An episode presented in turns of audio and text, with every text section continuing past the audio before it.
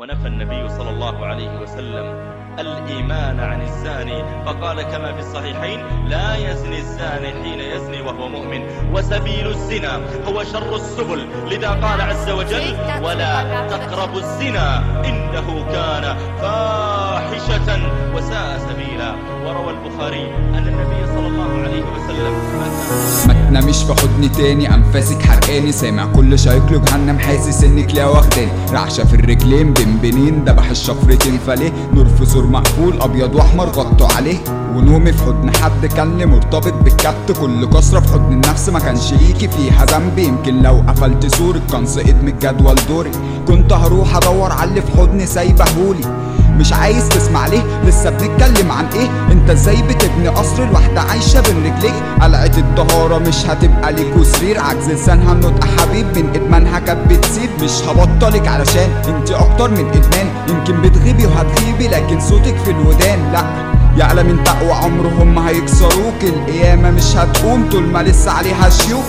سلمت نفسك ليا ولسه متأكدة.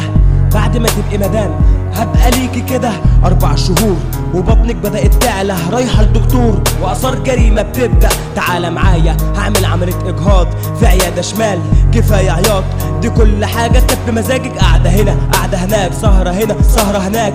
فين الملاك؟